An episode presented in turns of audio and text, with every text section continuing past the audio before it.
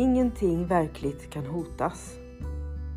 Ingenting overkligt existerar. Här i ligger Guds frid.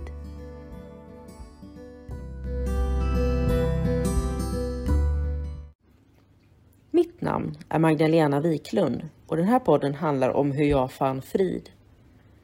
Allting har sin grund i Helen Schuckmans uppenbarelser då Jesus dikterade det som sedan skulle bli boken en kurs i mirakler för henne.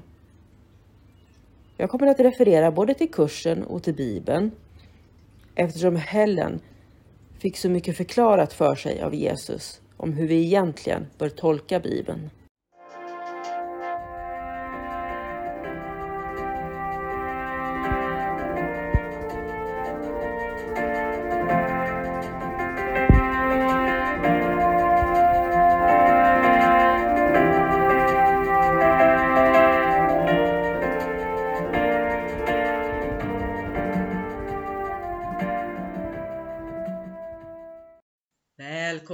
Kurs i mirakler.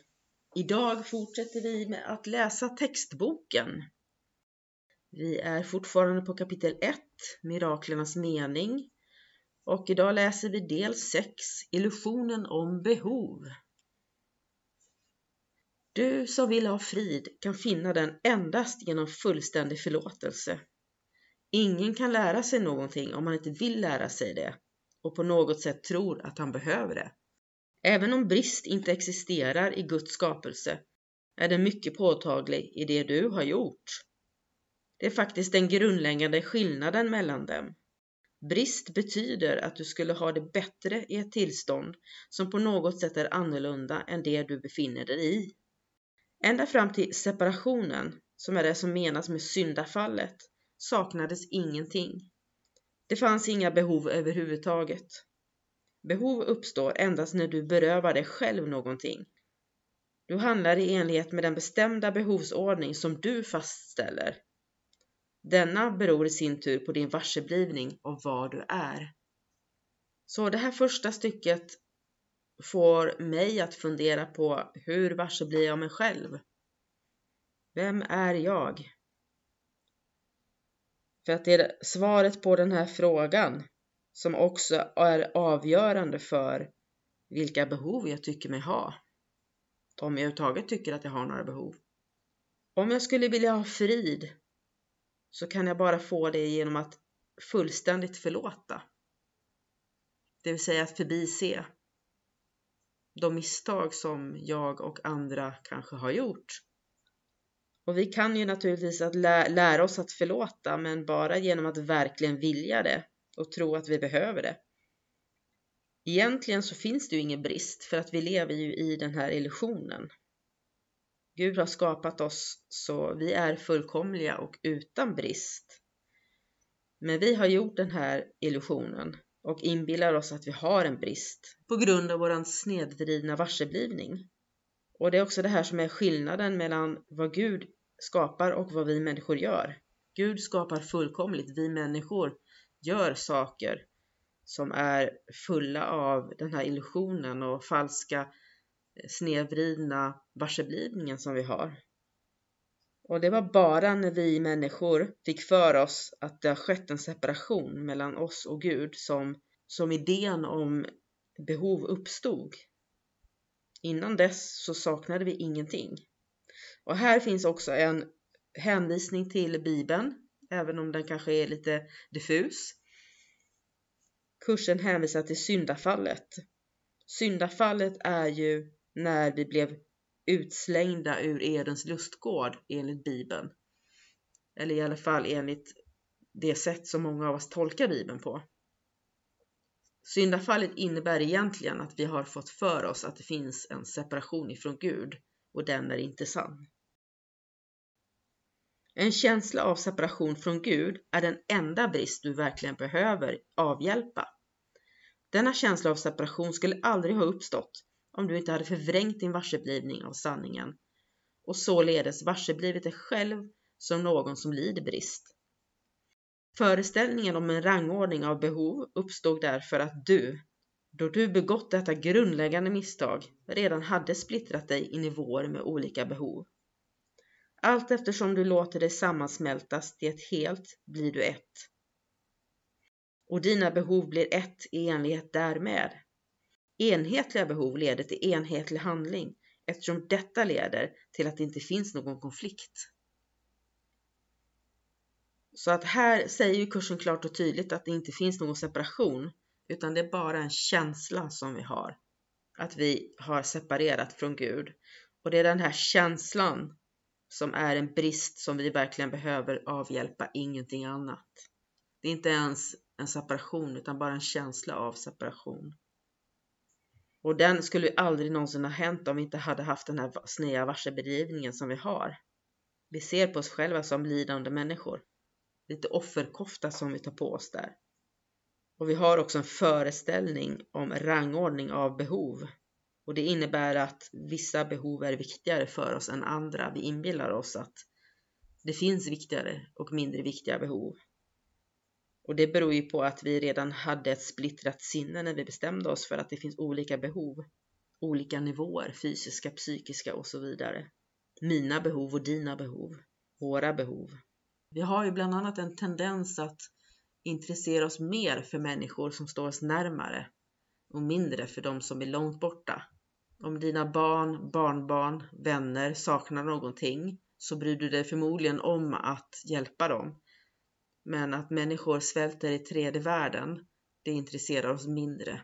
Det är ett bra exempel på rangordning av behov. Men kursen kan hjälpa oss att sammansmältas till ett helt. Och då blir vi ett. Så att de här behoven, rangordningen av behoven och olika nivåerna vi har inom oss, de kan smälta samman. Och då blir behovet bara ett. Och att ha ett behov, det innebär inte att vi bara vill ha mat eller bara vill ha en sak. Utan det har att göra med etthet, att vi är ett. Vi har samma ande du och jag. Så mina behov är exakt detsamma som dina och tvärtom. Enhetliga behov de leder till enhetlig handling. Ja, om jag inte vet vad jag vill ha och vad jag behöver mest och minst, då kan det bli väldigt förvillande. Men om vi allihopa vet vad vi behöver och arbetar för det, då blir det en enhetlig handling.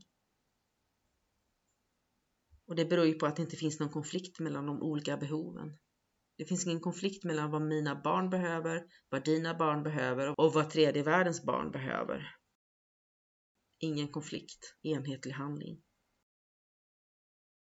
Föreställningen om en rangordning av behov, som är en följd av det ursprungliga misstaget att man kan vara separerad från Gud, kräver en rättelse på sin egen nivå innan misstaget att varsebli nivåer överhuvudtaget kan rättas. Du kan inte handla effektivt så länge som du fungerar på olika nivåer. Men så länge som du gör det måste en rättelse föras in vertikalt nerifrån och upp. Detta beror på att du tror att du lever i rummet där begrepp som upp och ner är meningsfulla. När allt kommer omkring är rum lika meningslöst som tid. Båda är endast övertygelser.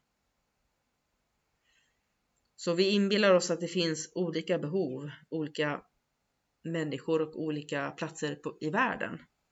Vilket ju då beror på vårt splittrande sinne. Att vi inbillar oss att vi är separerade från Gud. Och det här kräver att vi gör en rättelse, att vi rättar. Att rätta innebär att inse att vi lever i en illusion, att det vi inbillar oss inte är sant. Att återgå till verkligheten. Och den här rättelsen behöver göras på sin egen nivå innan misstaget att varsebli-nivåer överhuvudtaget kan rättas. Så först måste vi inse eh, inom oss, i vårt sinne, att vi är faktiskt ett med Gud. Vi är inte separerade från Gud.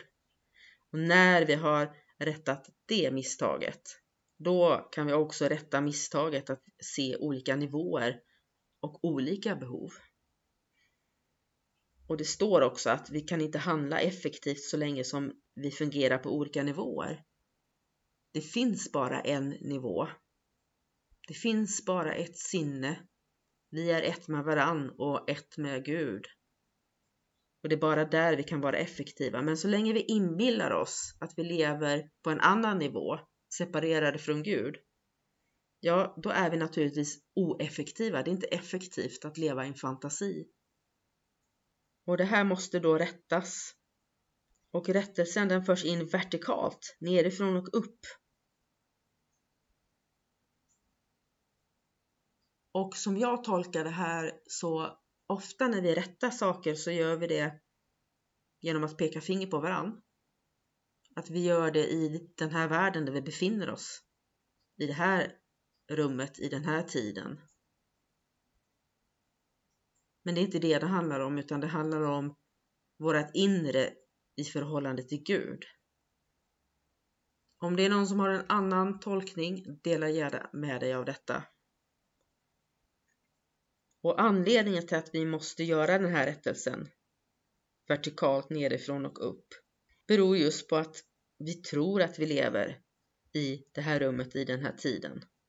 Men det är ju bara en övertygelse vi har. Rum och tid är meningslöst.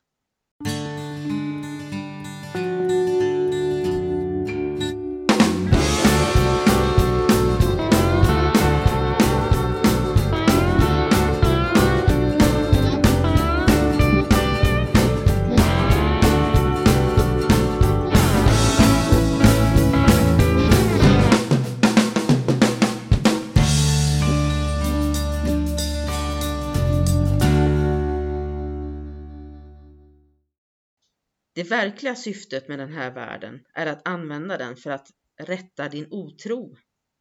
Du kan aldrig själv kontrollera rädslans verkningar därför att du gjorde rädslan och du tror på det du har gjort. I inställning således, men inte till innehåll, liknar du din skapare som har fullkomlig tillit till sina skapelser eftersom han skapade dem. Övertygelse leder till att existensen accepteras det är därför du kan tro på det som ingen annan tror är sant. Det är sant för dig därför att du gjorde det. Så det vi gör i den här världen, det är att vi ska rätta våran otro. Vissa människor tror på Gud.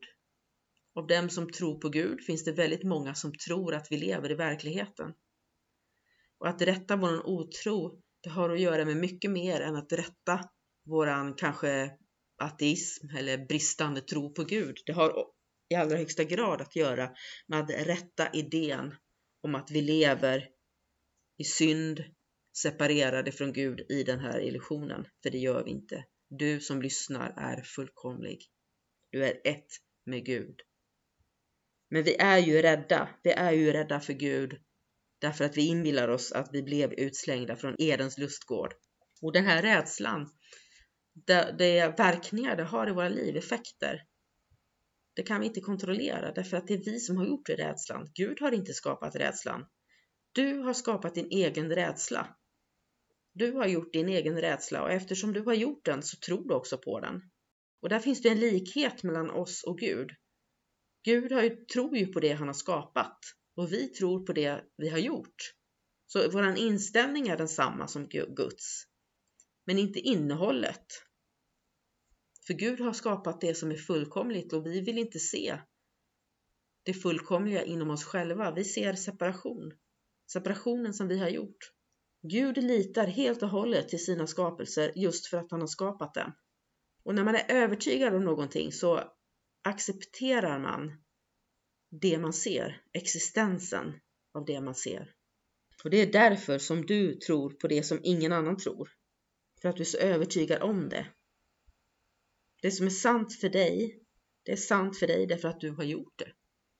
Och här tänker jag, vad enkelt egentligen att, att ändra sitt liv. Så enkelt men så svårt. Vi behöver inte, för vi kan inte ändra det yttre. Men vi kan ändra vår övertygelse. När vi ändrar vår övertygelse kommer också det vi ser och hur vi ser det att ändras. Alla aspekter av rädsla är osanna eftersom det inte existerar på den skapande nivån och därför inte existerar överhuvudtaget. I samma utsträckning som du är villig att underkasta dina övertygelser detta prov, i samma utsträckning blir dina varseblivningar rättade. Genom att sortera bort det falska från det sanna fortsätter miraklet enligt dessa riktlinjer. Och jag ska snart läsa det också. Men allting som har att göra med den rädsla som du känner, den rädsla som jag känner, saknar verklighet. Därför att vi har gjort rädslan, vi har inte skapat den. Gud skapar och vi gör. Och det är på olika nivåer. Alltså finns inte rädslan, för den är inte skapt.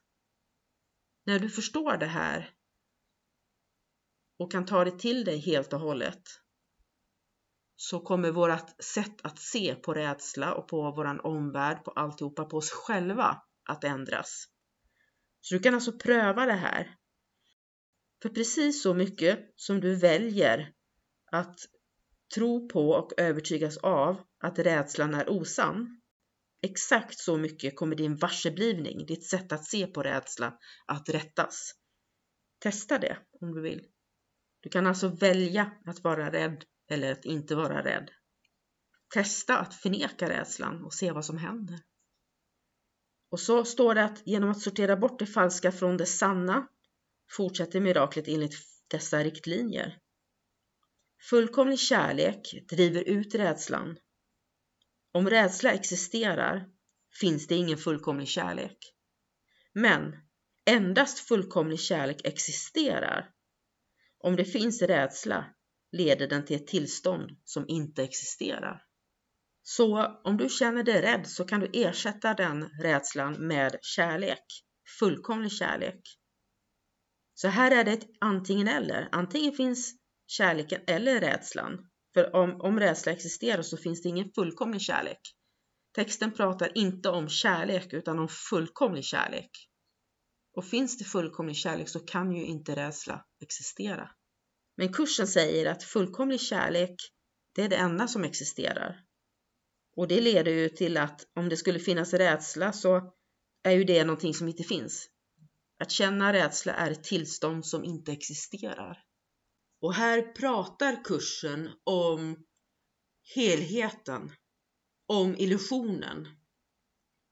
De här händelserna som vi upplever i livet som kan skrämma oss. Att bli rånad till exempel. Det kan naturligtvis uppfattas som skrämmande. Kursen säger att den rädslan inte finns. Men syftet med texten här är inte att fokusera på de händelserna, de enskilda händelserna. Syftet är att fokusera på vår relation till Gud. Att se att vi är utan synd, utan skuld och ett med Gud. Det finns ingen separation och det finns därför heller ingen anledning att känna rädsla. Det finns ingen rädsla. När vi har löst det problemet, när vi känner total kärlek till Gud och från Gud, för det finns där, den totala fullkomliga kärleken, då kommer all annan eventuell rädsla försvinna av sig själv. Tro på detta och du kommer att vara fri. Endast Gud kan fastslå denna lösning och denna tro är hans gåva. Så du kan välja att tro på det här, tro på att det bara finns fullständig kärlek, fullkomlig kärlek. Och när du väljer att tro på det, då är du fri. Och det här är Guds lösning. Det är Gud som ger oss denna möjligheten att känna total frid. Och att tro på det, det är Guds gåva till oss. Du har hört läsning ur den kompletta utgåvan av en kurs i mirakler. Femte upplagan tryckt i Mikkeli, Finland år 2017. Jag har läst med tillstånd av Regnbågsförlaget. Bibliska citat har hämtats ur Svenska folkbibeln från 2015, hämtad från Gideon Bible App. Appen är utgiven 2022 av The Gideon International och jag har läst med tillstånd av Gideon Sverige.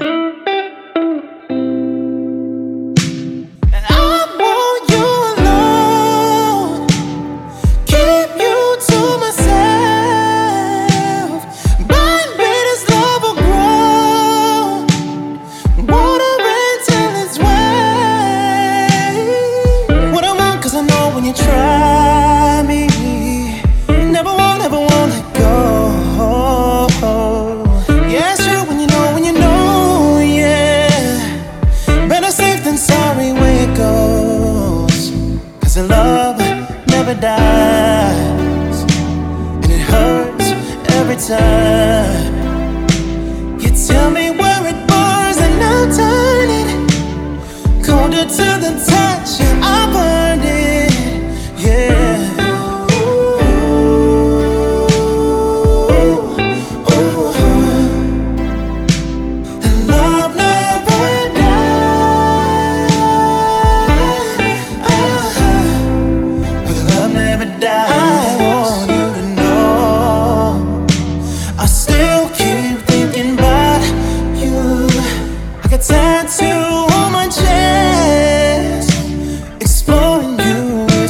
yes, baby. Calling deja vu, I remember.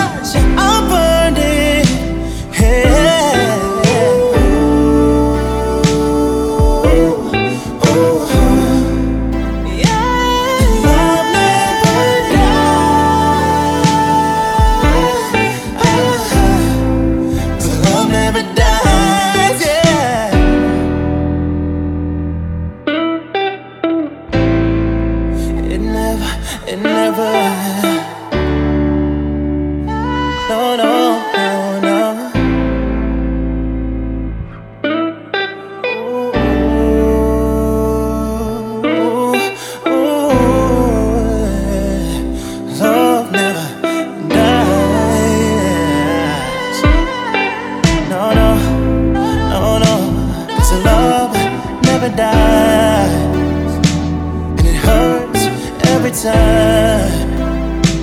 You tell me where it bars and I'll turn it colder to the touch. Yeah,